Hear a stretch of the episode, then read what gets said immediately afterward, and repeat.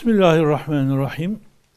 Münazarattan e, önce e, sünühattan e, devam ediyorduk. İnşallah çok az kaldı. E, sünühat bitince münazarata e, başlayacağız. Kema enne darurat tübihul mahzurat kezalike tüsehhelül müşkilat. Tüsehhilül müşkilat. Şimdi zaruretler yani zorda zarurette kalınca mahsurlu olan, yasak olan şeyler e, mübah hale gelir. Aynı şekilde zaruretler müşkilatları çözmede de kolaylık verir demek. Tabi tam bir e, problemli dönem yani 1922. Orada şöyle diyor. Korkaklıkta darb mesel hükmünde olan tavuk. Hani tavuk gibi korkak denilir darb meselde. Civcivleri yanında, çocukları yanında iken şefkati cinsiyesiyle camuşa saldırır, mandaya saldırır. Yani küçücük tavuk, koskoca manda. İşte dehşetli bir cesaret. Şimdi bunların hepsinden bir neticeye ulaşacak üstad. Hem dar bir mesele olmuş ki keçi kurttan havfı keçi kurttan korkuyor ama ızdırar vaktinde yani zorda kalmış halde sıkıştırmış kurt üzerine saldıracak o vakitte mukavemete inkılap eder. Boynuzuyla kurdun karnını deldiği vakidir. İşte harika bir şecaat. Yani bu mevzuda daha önce de belki misal olarak e, vermişizdir. Ee, Hüseyin Rahmi Gür Pınar'ın e, Almanya'da şahit olduğu bir şey var. Yazıyor onu kendisi de. Diyor ki işte koca bir yılan efendim iki e, bir keçi getirdiler. O yılan karşısında boynu bükük işte bir mukavemet yok. Onu yedi bitirdi. Daha sonra bir keçi getirdiler. Keçi hemen burada kurdun üzerine saldırdığı zamanki şeyi gibi yılanı diyor boynuzlarıyla delik deşik etmeye başladı. Yılan çekildi diyor. O zaman dediler ki senin yaşama hakkın var. Çıkardılar oradan diyor. Yılanın bulunduğu şeyden dışarı çıkardılar diyor. Evet. Dar mesele olmuş. Keçi kurttan havfı, korkusu ızdırar vaktinde o mukavemete inkılap eder.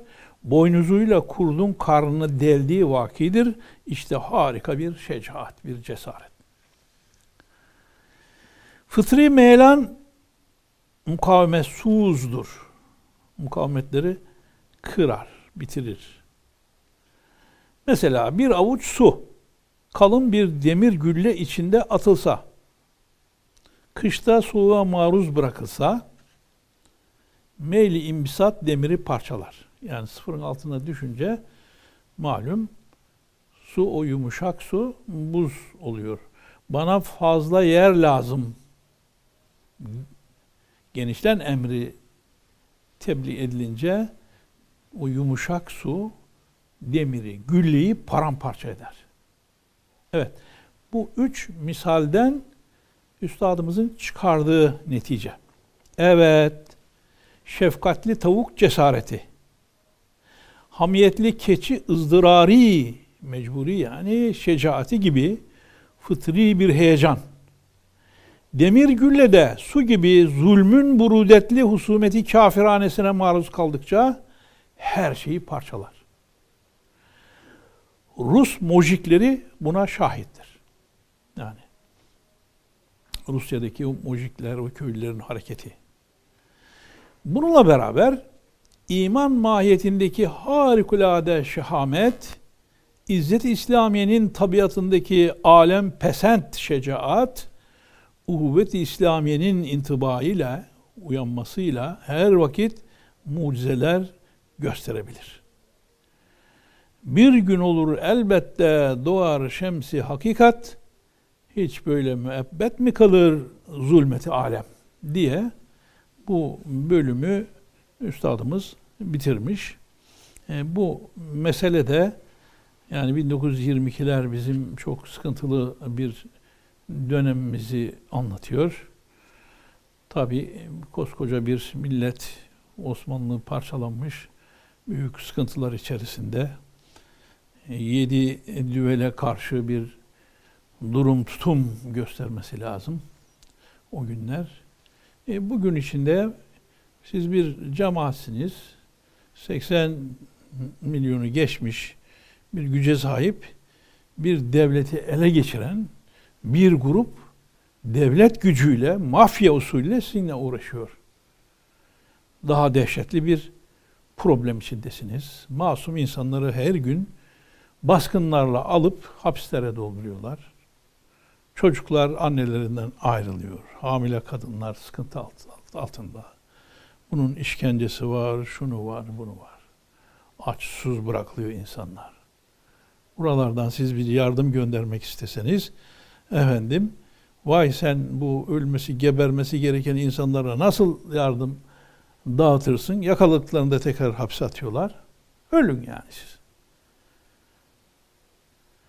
İşte bu şartlarda bunları düşünmek lazım. Ee, bu his ve heyecana sahip hizmet mensupları inşallah bu problemlerin üstesinden de gelecekler. Birkaç vecize demiş üstadımız. Merak ilmin hocasıdır. O zaman yani bir şeyi anlatacaksak e, meraklandırıp anlatmak daha şeydir. Daha dikkatli dinler insanlar merakla. İhtiyaç medeniyetin üstadıdır. Yani en büyük buluşlar savaşlarda olmuştur. Yani ihtiyaç var. İnsanlar dertlerini nasıl problemi çözeceğiz? İhtiyacın şiddetine göre de efendim yeni buluşlar ortaya çıkıyor. Sıkıntı sefahatin muallimidir. Efendim sıkıntı da iman zaafından çoğu kere gelir yani. Evet her zaman için insanın başına bir şeyler gelebilir. Tevekkülüyle, kadere teslimiyetiyle, Allah'a imanıyla, her yarattığında Allah'ın bir hikmeti var düşüncesiyle onu atlatmaya çalışır insan. Böyle bir cevhere imana sahip değilse insanlar bu sefer sıkıntılarını gidermek için sefahate, günahlara, boş, mala yani çoğu zaman da yasak şeylere giderler. Hani içkiye giden insanların bir kısmı var sıkıntısını güya atmak için gidiyor. Daha büyük sıkıntılara maruz kalıyor. Aciz muhalefetin menşeidir. E, iktidardakiler tamam. E, muhalifler öbürleri kadar olmadığı için aciz kaldıklarından dolayı. Onun için hep muhalefette kalma işte acizlidir. Bu sebepten dolayı da yani kendisini göstermesi lazım. Muhalefet eder. Muhalefet kolaydır. Ama bir şeyi ortaya koymak zordur. Sen istediğin kadar alırsın bir meseleyi 10 tane 20 tane sual sorarsın bir şey varmış gibi. Efendim muhalefetin ortaya korsun. E, sen bir şey söyle, yeni bir şey söyle. Bir rehberlik yap. Zaaf gururun madenidir. Zaaf gururun madenidir. Sigara nefis tekebbürün menbaıdır. Yani bunu bir misalle şöyle e, takdim ediyor üstad. Mesela herkes için görünme, görme, görünme bir pencere var. Birisi geldi, boyu çok uzun. Ne yapması lazım? Pencereden görmesi, görünmesi için eğilmesi lazım. Tevazu ile tekavvüs edecek diyor. Birisi var pencere yüksekte, o alçakta kalmış. Ne yapacak? parmaklarının, tırnaklarının üzerine dikilip burada uzun görünmeye çalışacak. Onun için sigara nefis, yani nefisinin küçüklüğü insanın tekebbürün, kibirin, kibirlenmenin menbaıdır. Tenasüp tesanüdün esasıdır. Yani her şeyi münasibinde kullanma. Hani eşitliği yanlış anlayanlar var. Herkes eşit olacak. Herkes eşit değil ki. Zekalar farklı, kabiliyetler farklı. Herkesi eşit yaparsan olmaz. Bu doğru değil yani. Yani herkesi münasibinde kullanmak. Kabiliyetine göre, seviyesine, zekasına, ona göre tasnif etmek gerekir. O zaman dayanışma olur. Çünkü her şey tenasübünde. Yani ayaklar yürümek için, baş düşünmek için, el tutmak için. Sen ya başın üzerinde, ellerin üzerinde yürüme kalkarsan, ayakların üzerinde değil de yanlış yapmış olursun. E her şey eşit olsun. Ya yeter artık ayakların yerde sürün diyor. Biraz da başımız üzerinde gidelim denilemez yani. Evet. Temasül tezadın sebebidir. Yani yukarıda geçtiği üzere hepsini aynı misil yapmak. Buradan tezat doğar. Başın vazifesi ayrı, gözün vazifesi ayrı, ayağın vazifesi ayrı, elin vazifesi ayrı, dilin vazifesi ayrı yani. İnsanların da kabiliyetleri, durumları farklı farklı. İçtimai hayat içerisinde herkes kabiliyeti, mahareti, salahatı neyse ona göre hareket edecek. Müsavatsız adalet, adalet değildir. Önce yani adalet herkes için eşitliktir. Adalette eşitlik esastır. Kim kim olursa olsun. Adalette eşitlik olmazsa zaten zulüm olur yani. Gayri meşru muhabbetin akıbeti mükafatı mahbubun gattarana adavetidir. Yani meşru muhabbet var, gayri meşru muhabbet var. Helal dairede bir muhabbet var. Bir de haram dairede bir muhabbet var.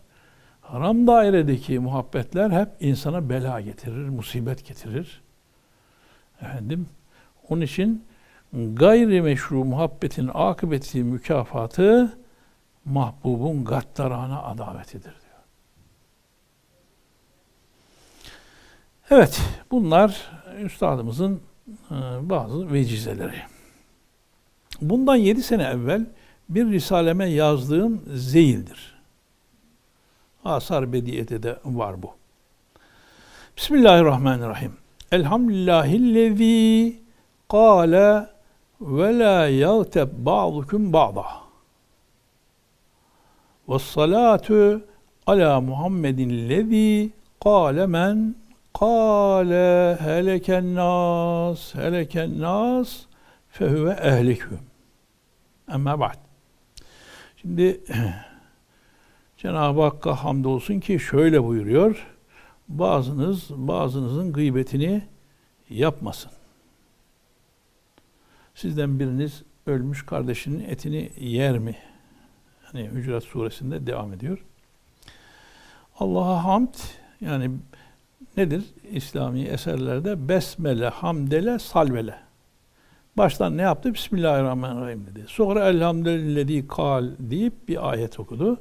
Sonra da ve salatu yani bu da salvele peygamberimize salavat. Ve salatu ala Muhammedin. Muhammed Aleyhisselatü Vesselam'a salatu selam olsun ki demiş. Kale. Şöyle buyuruyor Efendimiz.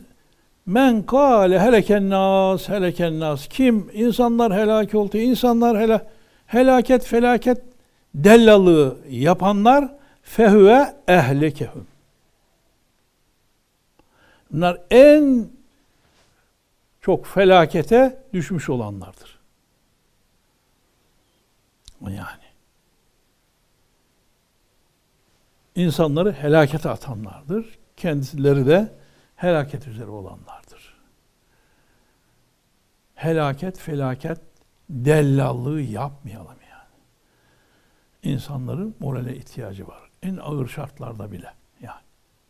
Kıyamet kopuyor olsa bile elinizde bir fidan varsa dikiniz buyruluyor. Kıyamet kopuyor olsa bile. Sen şimdi e, gün günden beter gelen mahşer e o zaman insanlar hiçbir şey yapamaz. Ya kıyamet kopmadı ki. Bu eserler düşünün ta 100 sene önce yazılmış. O günlerde de bu helaket felaket dellalığı vardı yani. E tamam kıyamet geliyor oturalım. E, 100 sene geçmiş daha. Sen kıyamet kopuyor olsa bile elindeki fidanı dikmen gerekirken böyle bir yanlışa nasıl düşüyorsun yani? O günlerde bakın bu yanlış telkinler bilhassa e, Müslümanları kandırmak, ümitlerini kırmak için söylenen bu sözler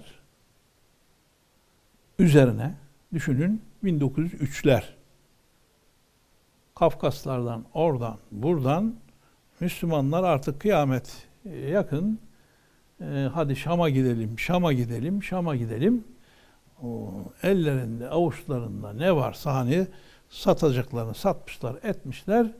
Üç tane Rus gemisiyle İstanbul'a doğru geliyorlar.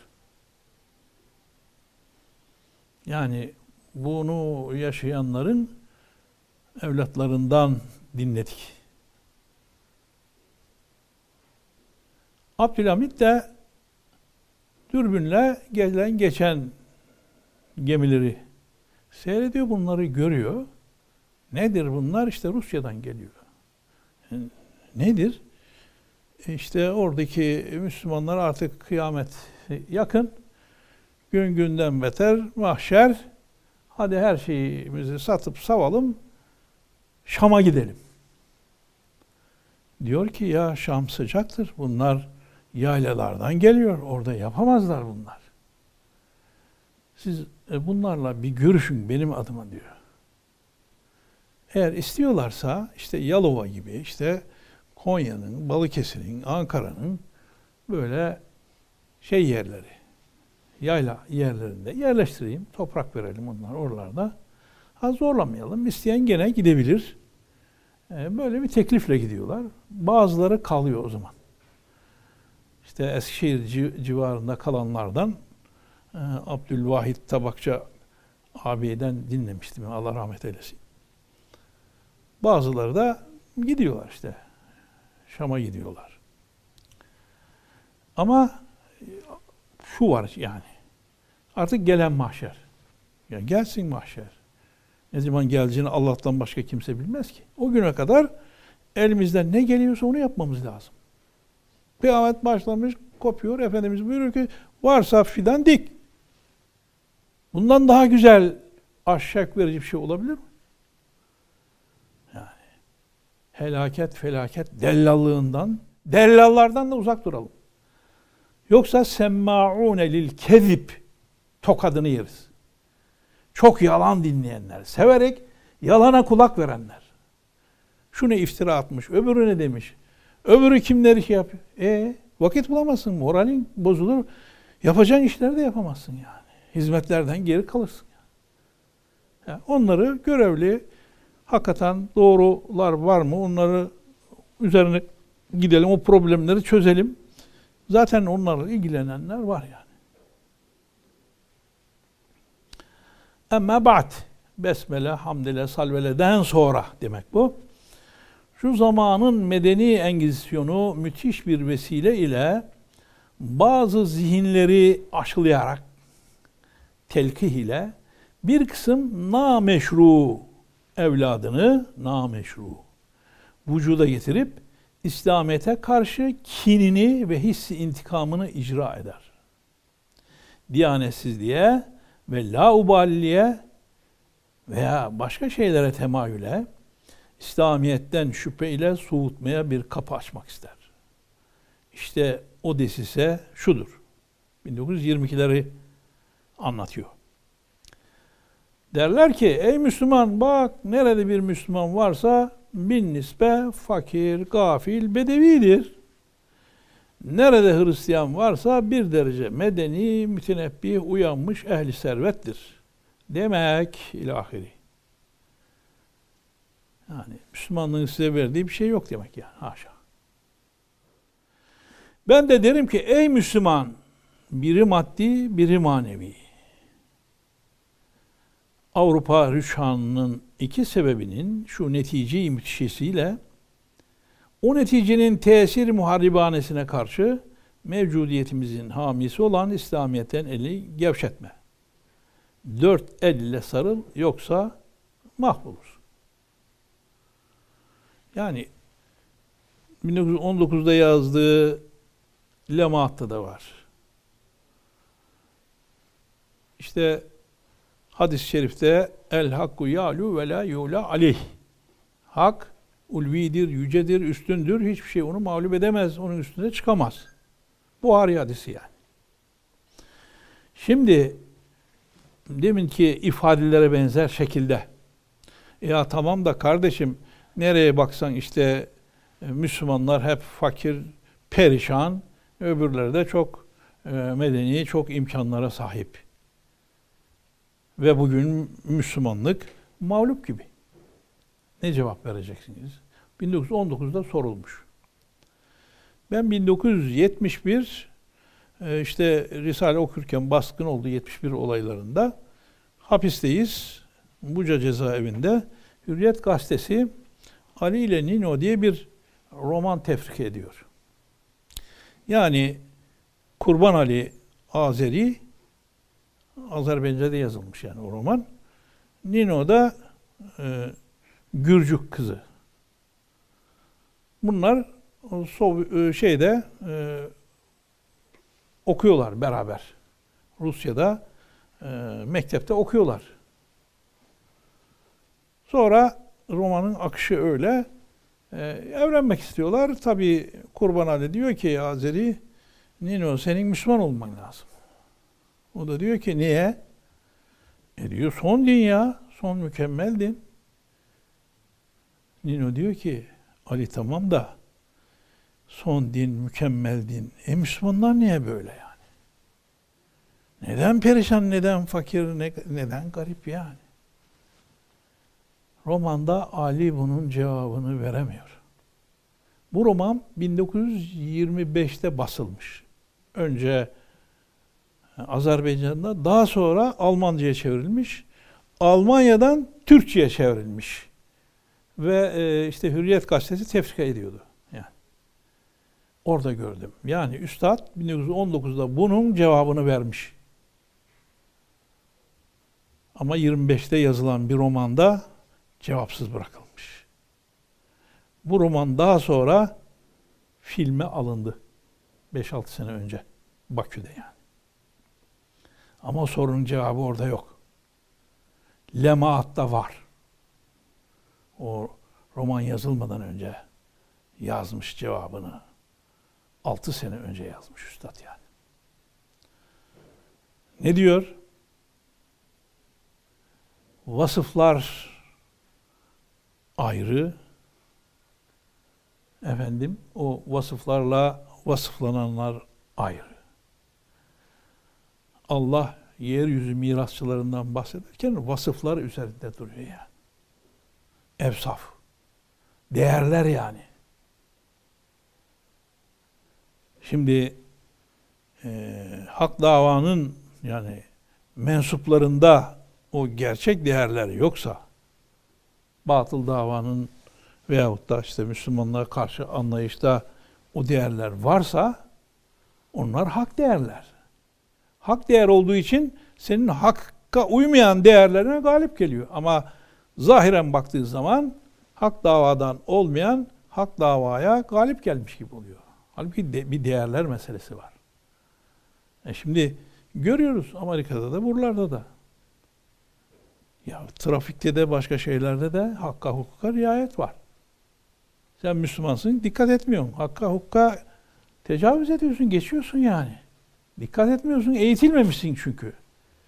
İşaret-i icazda diyor ki evet bir iman hakikatları var. Bir de gene peygamberlerin getirdiği güzel ahlaklar, güzel değerler var.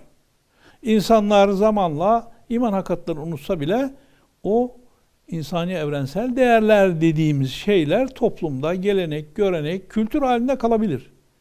Ve e, Müslüman olmayan bir toplumda da işte o gene dinlerde peygamberlerin getirmiş olduğu o değerlere göre yetişmiş insanlar olabilir ve o açıdan senden üstündür. Yani hani bir Müslüman da Müslümanlığa uygun özellikler olması lazım. Meşru şeyler olması lazım. La meşru işleri var. Bir başkasında da yani hak bir davadan olmayan birisinde de efendim Müslümanlığa uygun meşru şeyler var. E bununla karşı karşıya geldiği zaman o taraf galip gelir. Sen o kitabında açıkça belirtilen imanın dışında da anlatılan ahlaki hükümlere riayet etmedin. Onun cezasını çekiyorsun yani. Üçüncü olarak diyor ki Allahü Teala'nın iki çeşit kanunu vardır. Cemaatte yazıyor bunlar işte. Bir kelam vasfından gelen dini kanunlar. Peygamberlerin getirdiği kitaplar vesaire. Bunlara uyarsan ahirette mükafatını görürsün. Uymazsan dünyada hani pek e, değil de esas ahirette görürsün cezasını. Bunlar esas mükafat, ceza ahirettedir. Dini hükümlere uyup uymamanın. Ha dünyada da faydası vardır uyarsan. Ama Allahü Teala'nın bir de irade vasfından gelen kanunları var. Bizim yanlışlıkla tabiat kanunu falan dediğimiz fizikte, kimyada, biyolojide, astronomide orada burada geçerli kanunlar. Bu kanunlar uyar, bunlardan istifade edersen teknolojiyi geliştirirsin, güçlü olursun. E tembellik yapmışsın, yatmışsın, çağınla hesaplaşmamışsın, yüzleşmemişsin. E, öbür tarafta o güçle seni ezer geçer. Yani takvayı anlatırken Hoca Efendi takva insanın hani günahtan, ateşten işte kendini koruması. Allah'tan korkarak Allah'ın koyduğu dini kanunlara uyması. E bunun bir de e, takvanın maddi boyutu da var ki Allah'ın koyduğu kanunlar. Teknik teknoloji buna bağlı. Bunlara uymazsan tamam Müslüman olabilirsin. E, uymamışsın öbürleri de güçlü ezip geçiyorlar işte sömürgecilerin gücü kuvveti nereden geliyor yani? Sen uyurken o geliştirmiş. Silahını geliştirmiş, tren yapmış, uçak yapmış. E sen e, uyuyorsun. Hala çok arkalardasın. O noktaya önem vermemişsin yani. Bir dördüncü sebep olarak da diyor ki İslami hizmetler, güzellikler tabi bir e, şey halinde bazen potansiyel var ama geliştirilmemiş, eksik kalmış, yaşanmıyor veya siz bir hak, e, hizmet, bir dava bir şeyi koymuşsunuz. İçine efendim iyi niyetler kalmamış. Uygun olmayan şeyler gibi. Bunlardan temizlemek ister Cenab-ı Hak. Nasıl? İşte mermerin içinde yüzde işte üç yüzde en fazla dokuz diyelim. Yüzde binde neyse tam şeyini bilemiyorum ama böyle bir ölçü var. Ve altını çıkarmak istiyorsunuz. Yüksek ateşte eritiyorsunuz. Altın külçeleri çıkıyor. Bunun gibi. Bazen işte bir bela, musibet, bir ateş gibi o kavuruyor. Hak davaya başka niyetle girenler o bu iş alem başımıza bela getirecek kaçan kaçana oluyor. Orada halisler kalıyor. Halis külçeler kalıyor. Yani e, neden işte mağlup? İşte bu dört sebepten. Bunları iyi bilmemiz lazım yani mağlubiyet. Ve bunu hep kullanmışlar. Bakın burada da aynı şey söylüyor. Ey Müslüman biri maddi biri manevi Avrupa rüçhanının iki sebebinin şu neticeyi müthişesiyle o neticenin tesiri muharribanesine karşı mevcudiyetimizin hamisi olan İslamiyet'ten elini gevşetme, dört el ile sarıl. He, evet biz aşağı iniyoruz, onlar yukarı çıkıyor. Bunun da sebepleri var. Bir başka programda inşallah sebepler üzerinde dururuz.